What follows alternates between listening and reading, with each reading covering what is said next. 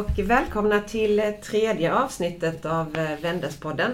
Vi som sitter här är Jenny Edvardsson, gymnasielärare i svenska och historia på Vändesgymnasiet. Och Marit Hammarland, skolbibliotekarie på Vändesgymnasiet. Förra gången så handlade Vändespodden om berättelser som får oss att må bra och skratta. Och då Marit pratade du bland annat om Britt-Marie var här.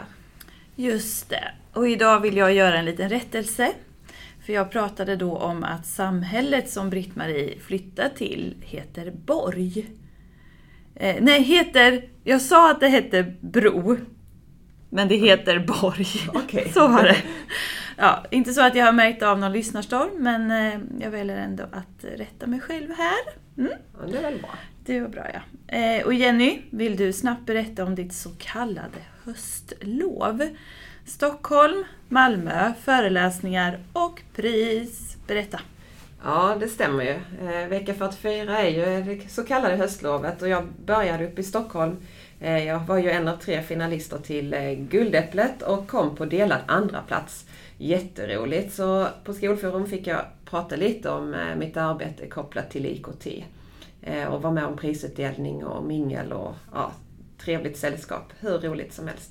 Sen eh, var det ju första gången eh, eh, dags för Sätt Syd i Malmö och det höll ju på tisdag, onsdag men jag åkte ner i onsdags och föreläste då för i stort sett fullsatt sal. 250 personer tror jag det var som var och lyssnade på mig. Och då pratade jag om läsning, lässtrategier och så lite mer ingående om hur du och jag jobbar med novellsamtal i mm. Svensk 1 här på Bendes. Just det. Och mm. vi var ju faktiskt med i tidningen. Ja. Vilken tidning? Alfa, ja. Lärarförbundets tidning för svenska och SO-lärare. Ja. ja. Så där kan man läsa om oss och mm. vårt eh, ja, arbete med eleverna och eh, de novellsamtal som vi har haft med dem. Mm. mm. Eh, men idag så är det ju Vändespodden och idag så tänkte vi att den skulle förhandla om magisk realism. Och magisk realism, det är ju berättelser som utspelar sig eh, i verkliga platser och tider. Men där verkligheten på ett eller annat sätt kryddas med magi och övernaturliga inslag. Lite mystiskt och lite spännande. Ja, eller hur? Eh, och jag tycker vårt val ligger lite vid tiden här. För på SVT så har det gått och går serier som har tydlig magisk realism i sig. Jordskott, som gick för ett tag sedan, handlar om en helt vanlig by där skogen och olika varelser i den börjar ge igen på människan. Och det, gjorde de, det gör skogen då genom att föra bort barn. Och när ett av de här barnen kommer tillbaka till samhället så dras man in i den här magiska, mystiska världen, eller skogen är det ju, där här, den här flickan då har tillbringat många år. Och en serie som går nu heter Ängelby och där händer det konstiga saker. Och hittills så förstår man att det är en sten i skogen som har eh, då tydliga krafter. Och man får veta att en pojke som var väldigt medioker och ganska dålig i hockey helt plötsligt blev superduktig och skulle åka till NHL och blev hur duktig som helst på väldigt kort tid. Och man förstår då att det är den här stenen som har gett honom krafter. Och bägge de här serierna kan man säga är inspirerade av Twin Peaks, vilket var mitt favoritprogram när jag var i tonåren. Har du sett de här serierna, Jenny? Ja, jag har sett eh, Jordskott och jag satt väl mer eller mindre som klistrad. Eh, den var spännande och lite så obehaglig på en och samma gång.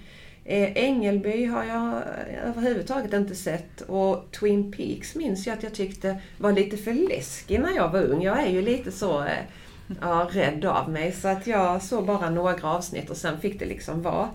Eh, ja, så så är det. Lite feg är jag nog. Eh, men Marit, eh, det är lite serier som går på TV, men om vi gör kopplingen till eh, skönlitterära böcker. Har du läst någon som man kan eh, ja, lägga in i, i genren eh, magisk realism? Ja, det har jag. Jag har läst en bok som är både magisk och realistisk. Och det är boken Coraline av Neil Gaiman. Och det är en bok som faktiskt är klassad som HCG, alltså böcker för barn i mellanstadiet. Men jag var nyfiken på den här brittiska författaren Gaiman. Han har ju skrivit massor, massor med böcker men jag har inte läst någon av honom hittills. Men eh, så hittade jag den här boken i bokhyllan här på Vendes och så bara började jag läsa på stående fot och var sen fast. Eh, man får följa då en flicka som heter Coraline som bor med sin mamma och pappa i ett lägenhetshus. Och mamman och pappan då bara jobbar mycket och bryr sig inte om Coraline och så fort hon vill ha deras uppmärksamhet så säger de bara snart, snart, jag kommer, jag kommer. Coraline söker sig till de övriga som bor i huset. Och en dag så blir hon spådd av de märkliga systrarna som bor i huset. Och de kan se att fara är på väg. I Coralins lägenhet så finns det en dörr som är låst och nyckeln får hon tjata sig till av sin mamma. Men jag vill se vad som finns där, säger hon. Liksom. Och när de öppnar dörren då så är det bara en vägg. En murad vägg. Och man kommer ingenstans.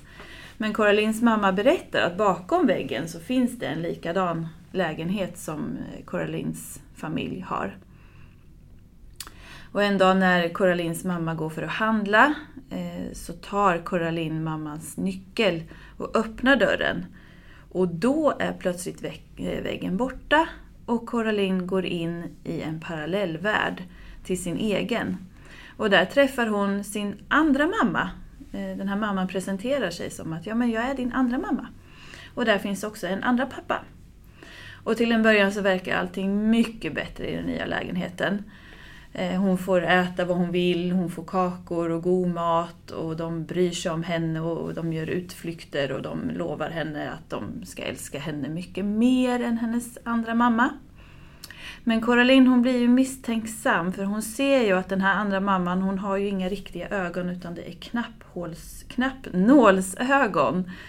Och hon kan liksom aldrig riktigt titta på Coraline så som hennes mamma kan. Och när den här andra mamman kräver att Coraline ska byta ut sina egna ögon mot knappnålar, ja då, då känner hon bara att nej, det här är inte rätt liksom. Hon vill tillbaka till sin riktiga mamma och pappa trots att de inte bryr sig så mycket om det, henne då. Och det händer en rad mystiska saker då i det här att Coraline försöker ta sig tillbaka till sin riktiga mamma och pappa. Eh, och nu riktar ju den här, den här boken sig till 10-13-åringar sådär, men jag tycker att den var riktigt bra faktiskt. Mm. Låter lite spännande och mystiskt. Så. Ja, mm. absolut. Och jag kollar runt lite och den här boken har ju då också blivit film. En animerad film som heter Coraline och spegelns hemlighet. Och jag bara tittar snabbt på en trailer. Och den var riktigt snyggt gjord. Eh, och jag kan ju tycka att bok, den här bokens handling för även tankarna till Trollkarlen från Oz, som jag var och såg här i Kristianstad i helgen. Mm, får du nämna det? Vad, vad var det? Jo, en musikal? Ja, en musikal. Mm. Ja, absolut. Det är det. Mm, med jätteduktiga skådisar. Eh, och jättebra musik. Eh, och den handlar ju liksom också det här om att man, man är inte nöjd med det man har utan man söker sig någon annanstans. Men så förstår man ändå till slut att nej, det var ju bra det jag hade. Och så kanske vi alla ska tänka, att vi ska vara nöjda med det vi har. Mm. Du då Jenny, har du läst någon bok som går att koppla till genren magisk realism? Ja, men det har jag. Jag eh, har eh, läst Pojkarna av Jessica Schiefauer. Det är en rätt så ny bok. Eh, och den här boken utspelar sig i Sverige. Man får följa tre tjejkompisar, Bella, Momo och Kim. Och de är i det här gränslandet mellan barndom och vuxenliv. Och de har lite svårt att veta sina roller och vem de ska vara. Alltså det är lite så här, de, de vet liksom inte riktigt hur deras jag ska, ska vara. Eh, och i skolan så blir de väldigt, eh, vad ska man säga, både utsatta och förnedrade av pojkarna. Eh, och pojkarna liksom på att tafsa på dem och sådär. och det tycker de är jättejobbigt. Eh, och sen har de en fristad hemma i Bellas eh, trädgård för Bella har ett växthus. Hon är väldigt blom, blomintresserad och växtintresserad. Och hon beställer hem blommor och fröer från hela världen. Och en dag så får hon hem en eh, mystisk blomma. Eh, och de smakar på den här saften som finns i blommans, i själva ja, innandömet av blomman. Och när de dricker den här saften då, Kim, Bella och Momo, så förvandlas de alltså på nätterna kroppsligen till pojkar. Alltså de blir pojkar med, i pojkkroppar. Eh, och då kan de ju prova den här maskulina världen eh, och de söker sig till killgängen på, på byn. Eh, och en av de här personerna, eh, ja, en av de här tjejerna då, Kim, hon sugs fast i den här världen och hon vill liksom gärna vara manlig, vara pojke dygnet runt. Eh, och hon börjar vara med en småkriminell grabb som heter Tony. Eh, och till slut blir det liksom så att Kim hon avskärmar sig lite från Bella och Momo och börjar hänga med Tony och hans gäng. Och hon gör allt för att få vara med Tony, så vad han än säger till henne så testar hon och gör. Hon mm. vågar liksom inte riktigt ifrågasätta och säga nej. Eh, och hon, Kim börjar också då göra småkriminella ja, saker. Och jag tänkte jag ska läsa bara ett kort stycke eh, då Tony och den här Kim eh, ja, gör ett inbrott. Tony och jag sprang genom skogen. Jag hade fortfarande verktygen på mig, sirenerna kört bort ifrån motorvägen, men vi hade inte långt kvar. Inte en chans att de skulle ta oss, inte den här gången heller.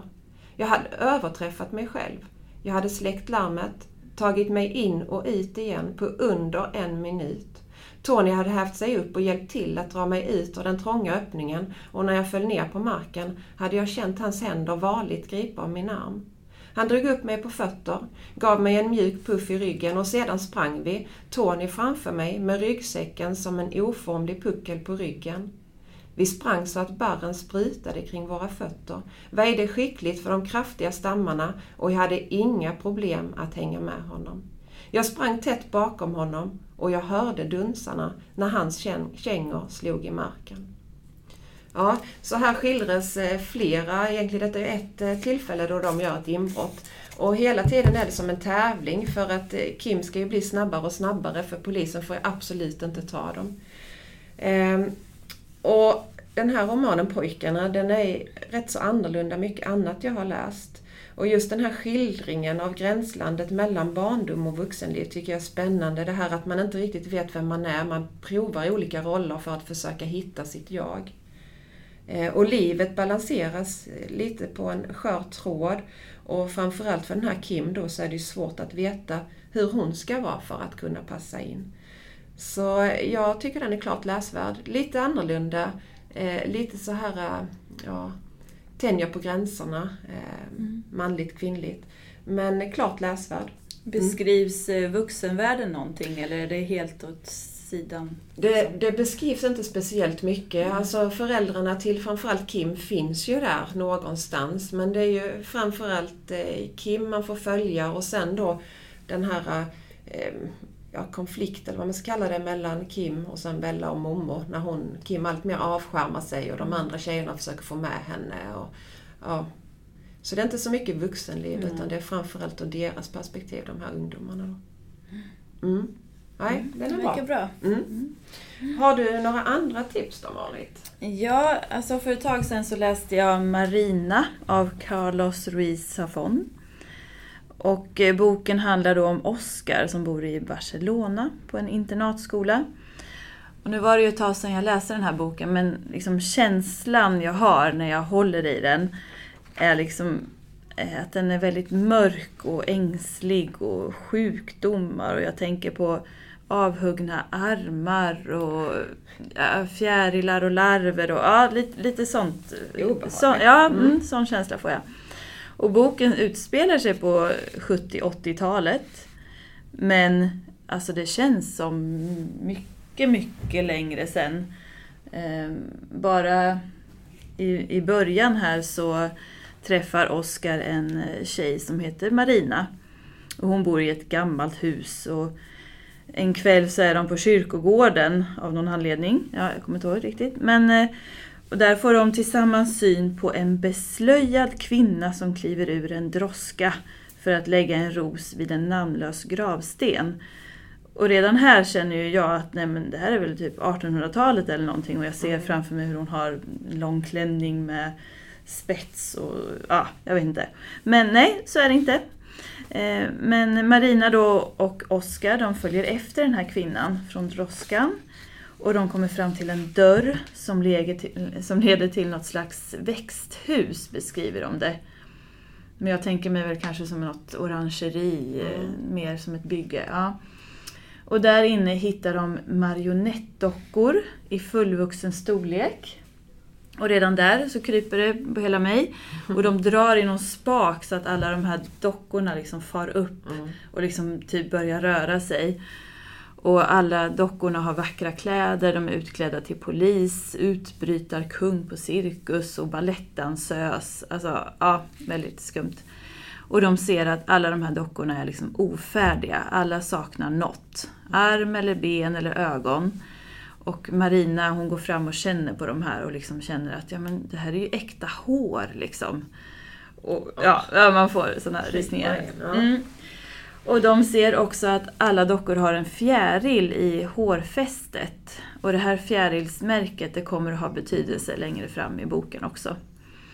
Och till råga på allt så hittar de i det här växthuset ett fotoalbum med gamla, gamla bilder på eh, men så här, vanskapta barn. Då. Och det första de ser är en bild på siamesiska tvillingflickor. Och det är väl typ den snällaste bilden, för vidare in i albumet så är det fotografier på vad som beskrivs, alltså missfoster, och det beskrivs i boken hur de här barnen på bilderna tittar på Oskar och Marina med bottenlös blick full av tröstlöshet, skräck och ensamhet. Ja, huva. Mm. Så startar allting och det blir bara bättre om man nu gillar de här lite skitiga och skrämmande historierna som jag gör. Lite som den vidunderliga kärlekens historia. Jag får mm. liksom samma vibbar mm. Eh, som är skriven av Carl Johan Wallgren. Och det är ju inte en magisk realistisk bok så, men den har samma känslor i sig, mm. kan jag tycka. Mm. Och där fanns då en koppling egentligen från den Marina till pojkarna, det här med växthuset eller orangeriet. Just det! Alltså, kanske också ja. någon symbolik. Vad står växthus för? Vad står... Eh, ja, jag vet inte. Nej, inte jag heller. Nej. Spännande. Mm. Ja. Mm. Eh, jag har också läst en annan eh, rätt så nyskriven bok eh, som man kan eh, ja, klassa in till inom genren då, magisk realism. Och det är boken Huset mitt emot av Alex Haridi. Jag tror inte att så jättemånga känner till att Haridi skriver böcker. Han är nog mest känd som manusförfattare till tv-serier. Han har skrivit eh, Blå ögon som gick 2014 eh, på SVT. Och så har han också skrivit manus till Äkta människor. Ja, och det har du sett. älskar mm. Äkta människor. Bästa, bästa. Mm. Ja. Blå ögon var också bra. Mm. Ja, okay. Jag är ju inte så mycket seriemänniska då så jag har inte sett den här. Men Nej. ja, mm. så är det i alla fall. Eh, I den här romanen Huset mitt emot så får man möta Joel, en tonårskille, jag tror han är 13-14 någonting så. Han bor i en eh, så här småsömnig, eh, sovande stad, Uddersvik heter den. Och i staden finns också väldigt många obebodda och eh, ja, gamla övergivna hus. Det är liksom en stad som på något sätt har ja, vad ska man säga, fallit lite i glömska. Många har flyttat därifrån så det har gjort att det blir många obebodda hus. Mm. Och ett av de här eh, husen som ligger mitt över Joels eget hem eh, och har namnet Ödehuset så finns det ett rykte. Eh, och enligt ryktet så bodde det i det här ödehuset då förr i tiden en ung pojke som tog sitt liv. Och det inleder hela romanen. Så jag tänkte att jag ska läsa inledningen. Det finns historier som berättas om och om igen trots att alla redan har hört dem. Historien om Jonathan Andersson var en av dessa. Det fanns inte en elev på Udviksskolan som inte kunde den utan till och ändå slutade den aldrig att fascinera. Det var ingen lång historia och den var inte särskilt komplicerad. Den gick så här. Den 19 oktober 1992 cyklade Jonathan Andersson hem från skolan. Han åt sitt mellanmål och gjorde sina läxor. Sen gick han upp på vinden och hängde sig. Han var bara 13 år gammal. Oh. Ja, så så inleds den. Mm. Och sen får man då följa Joel och där finns ju en parallell mellan Jonathan och Joel för de båda börjar på J, båda är pojkar, de är ungefär lika gamla, de går på samma skola. Ehm, och Joel fascineras ju av den här historien men också det att huset är ju liksom mitt över hans eget. Så Joel och hans kompisar de bestämmer sig rätt så snart för att gå in i huset. Och då börjar de mest märkliga saker att hända. Och för Joel så blandas fantasi och verklighet ihop och dåtid och nutid vävs liksom också ihop så att det blir ja, lite mystiskt så här trots att det verkligen är realistiskt på något sätt. Ja, för han träffar väl en kvinna där inne i huset? Just det. Ja, Han träffar jag en har ju också kvinna. läst den här, men det var Ja. länge sedan. Ja. Mm. Och den här kvinnan är ju Jonathans mamma. Ja. Och om hon är verklig eller inte, det, det är också lite så här, ja, lite spooky. Man vet inte riktigt vad Nej. som är fantasi och vad som är verklighet. Precis. Ja. Mm. Eh, sen tänkte jag också att jag skulle nämna en klassiker, får man väl nästan kalla det nu då. Mm. Eh, Maria Gripe. Eh, hennes bok eh, flyger i skymningen. Och jag minns när jag var liten, då läste jag alla de här Maria Gripe-böckerna. Ja, men den här Tordiven gick ju dessutom som radio, sommarradio eller vad det Ja, sånt, så, ja. så Mm. det är så jag har läst den. Jag Ja. tyckte den var fantastisk. Ja. Mm. Och nu kommer den som sagt i ny, ny, nytryck och jag tänker att eh, det är säkert många som läser om den. Och vi får kanske också läsa om den för att minnas vad den Jag ska handlar om. köpa in den, jag lovar. Ja, Mm. ja. Mm. ja. Har du något ytterligare tips då Marit? Ja, ett litet snabbtips. Ehm, Den heter Jelliso, Jelliso Road.